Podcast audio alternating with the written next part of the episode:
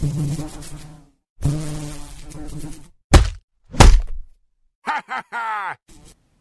skadedyrbutikken.no så har vi fått inn Trond Evensen, som er autorisert skadedyrbekjemper. Og han skal få lov å snakke litt om sukkermaur i dag. Ja.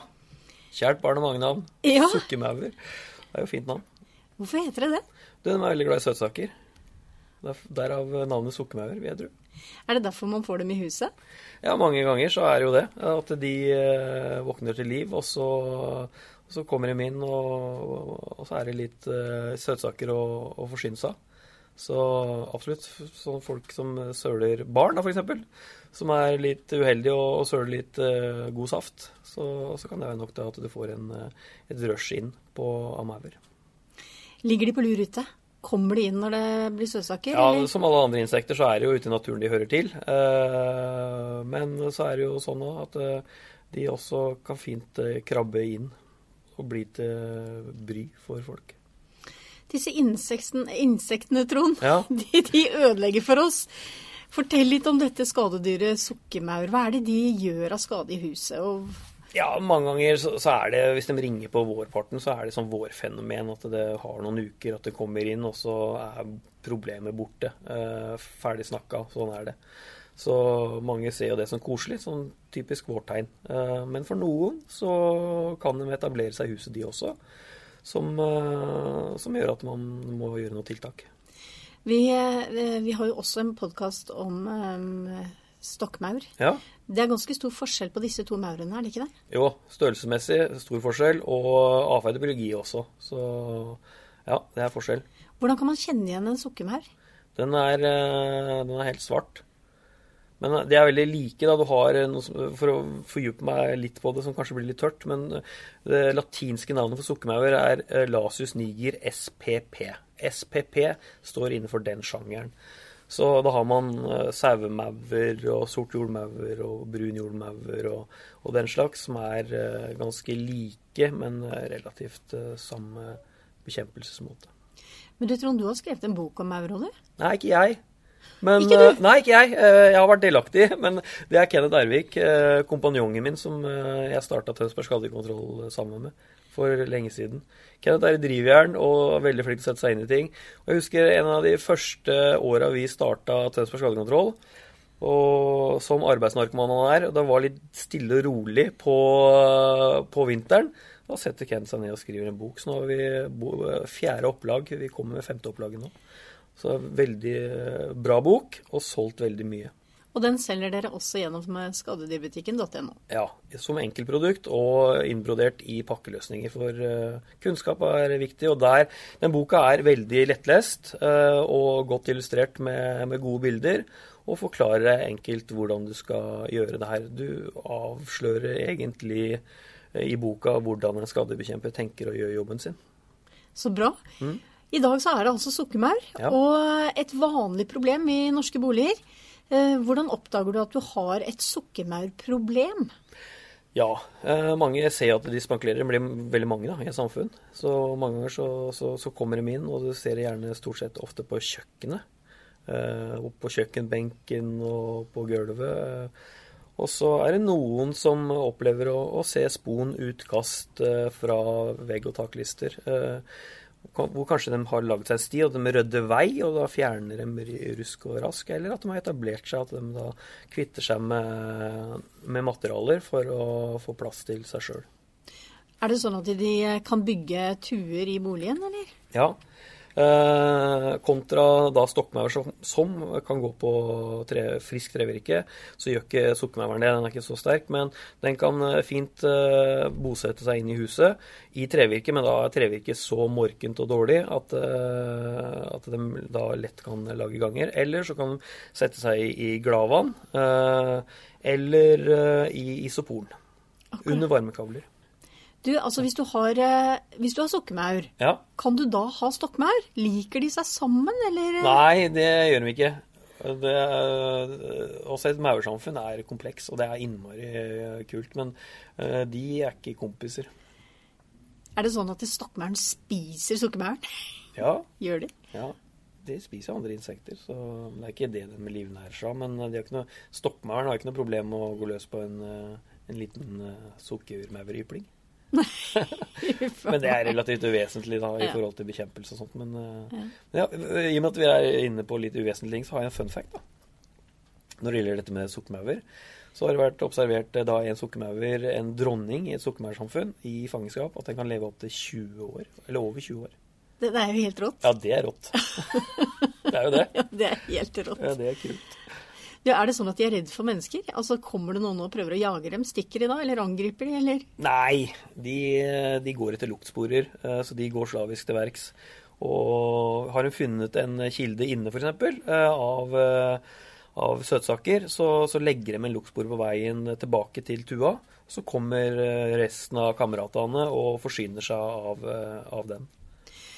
Når er det dette, disse sukkermaurene blir et problem? Altså, de kan være litt sånn søte og være et godt vårtegn og sånn, men når er det det går over fra å være søtt til at det er et uh, reelt problem? Ja, Hvis man uh, får det veldig tidlig, da, sånn som stokkmaur, at man får det i, i februar-mars og begynner å få maur inne, da kan jeg også si med sikkerhet at det har samfunnet inne. Da er det et problem, og da må man gjøre noe. Men uh, dette vårfenomenet er jo greit, det kan bare gå over av seg sjøl. Eller at du har fått uh, etablert i hus, og så har det gått så mange år, som opptil seks år eldre, så begynner man å få forplantningsindivider og sverming inne av horder. Da også er et kjempeproblem. Veldig ekkelt, og det må løses. Er det, kan du si noe om, er det noen spesielle typer boliger som får uh, disse maurene inn, eller er det alle typer boliger? Nei, Det er jo alle typer boliger, men uh, det er jo gamle hus uh, hvor du har Det har forfalt litt. Eller også nyrehus, hvor du har lagd støpt såle på mark med isopor og varmekabler. Uh, da bruker jeg å si litt sånn fjåsete, men det, er en, det er litt sant i det òg. At det er ikke spørsmålet om du får, om du får maur, det er spørsmålet når du får maur. Og så er det noen da, hus som jeg har lagt merke til, som er nyere hus som er bygd med såle på mark. Så er det elementer. Og så er det da masse isopor opp ut på utsiden av isoporen ut mot ut mot plassen, gårdsplassen eller uh, Nå står det stille. Ut mot gressletter og sånt noe. så, så har du da isoporen, og så har du, en, har du en plate på utsida der sånn. Og hvis platene ikke er tetta når de er satt sammen, så, og du ser isoporen utenfra, da er det veldig viktig å grave seg ned og få tetta hele den sprekken hele veien med, med silikon. Da forhindrer du også et inntrekk. Akkurat. Så ja. bra. Og så er det mange som har røtter. Og steiner, heller. Steiner, det elsker de å, å være i. Så la oss si du har blomsterbed da, med en relativt stor sånn prydstein. Så, så, er det mange ganger at man letter på den steinen, og under der sånn, så florerer det av maur. Og gjerne egg, og der kan dronninga sitte. Og hvis man da er redd for å få det her inn, så kan man da sprøyte direkte på det.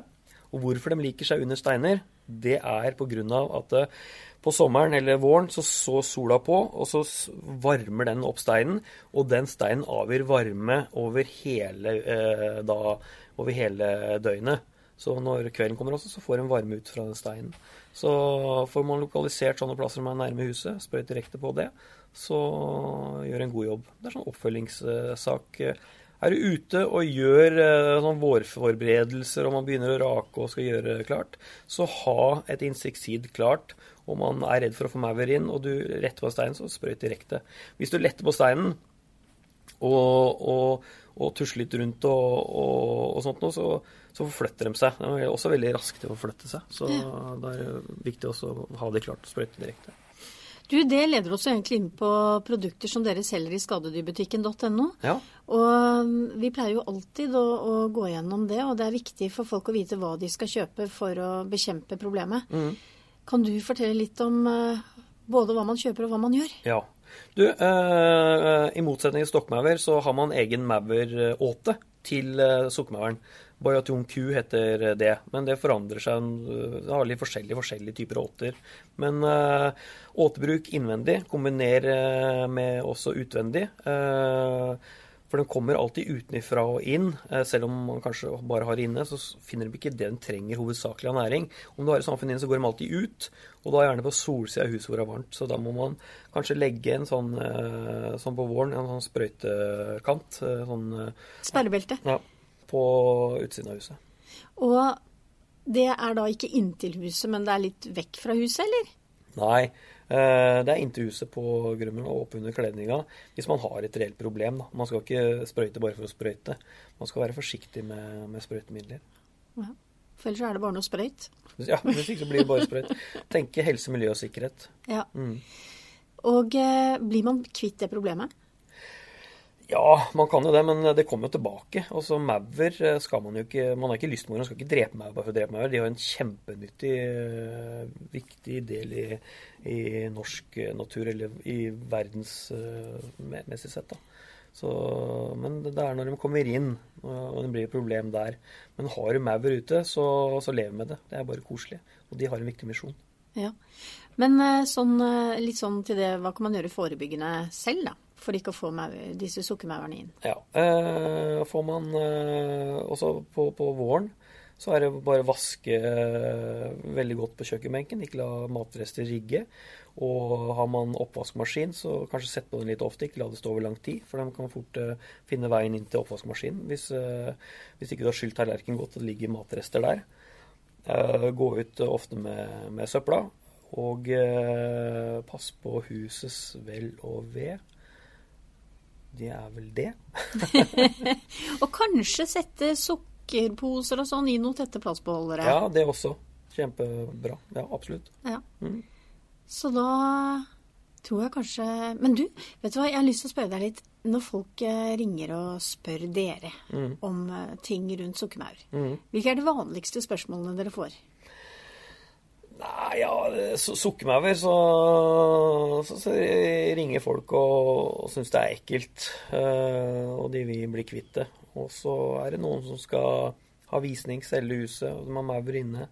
Ønsker å få dokumentasjon eller få gjort uh, Ikke at vi har dokumentasjon uh, på, på skadebutikken, men noen ringer jo skadebekjempere for å få dem til å gjøre en jobb inne for å få dokumentasjon vi skal selge eller at de eh, ønsker å løse problemet før, før de selger. Så, så, gir vi dem råd og veiledning, og, og, og selger produkter som de kan gjøre tiltak selv på. Ja. Og så er det slik eh, at uh, Nokas skadedyrkontroll AS, ja. de kan også være behjelpelige her? Ja, ja, ja. De er flinke. Hva kan de gjøre da? Nei, De kommer og foretar seg en inspeksjon og får sett på det. og noen ganger så kan det være at uh, teknikerne gir dem råd og veiledning der og da uh, om hvilke produkter de skal kjøpe, og gjøre det selv, eller at de utfører jobben uh, og gjør det for en. Og gjerne da med avtaler som går over litt tid. For noen ganger så er det ikke gjort på 1, 2, 3, man må følge opp litt. Og, og da får man også dokumentasjon på det. Ja. Mm. Er det noe mer du tenker er viktig å få frem her når det gjelder sukkermaur, Trond? Ja.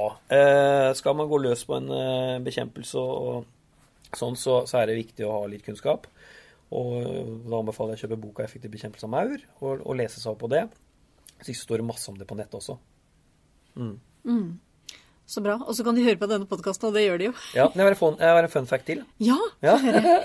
sånn på tampen. Fun hvis, facts er bra. Ja, øh, og det er ganske drøyt. Hvis du, hvis du tar all mauren i hele verden og samler dem sammen, så veier det mer enn alle menneskene til sammen. Er det mulig? Ja. Det er rått. Wow. Ja, Så det er ganske mye maur.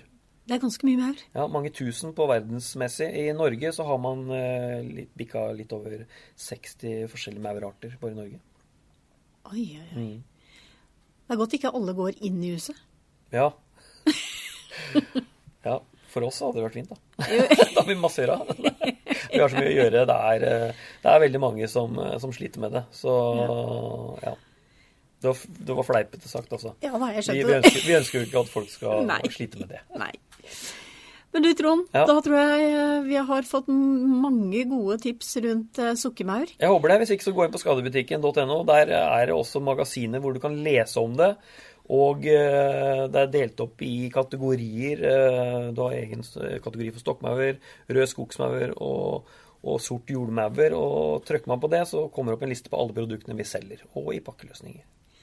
Kjempebra. Ja. Tusen takk, Trond. Bare hyggelig.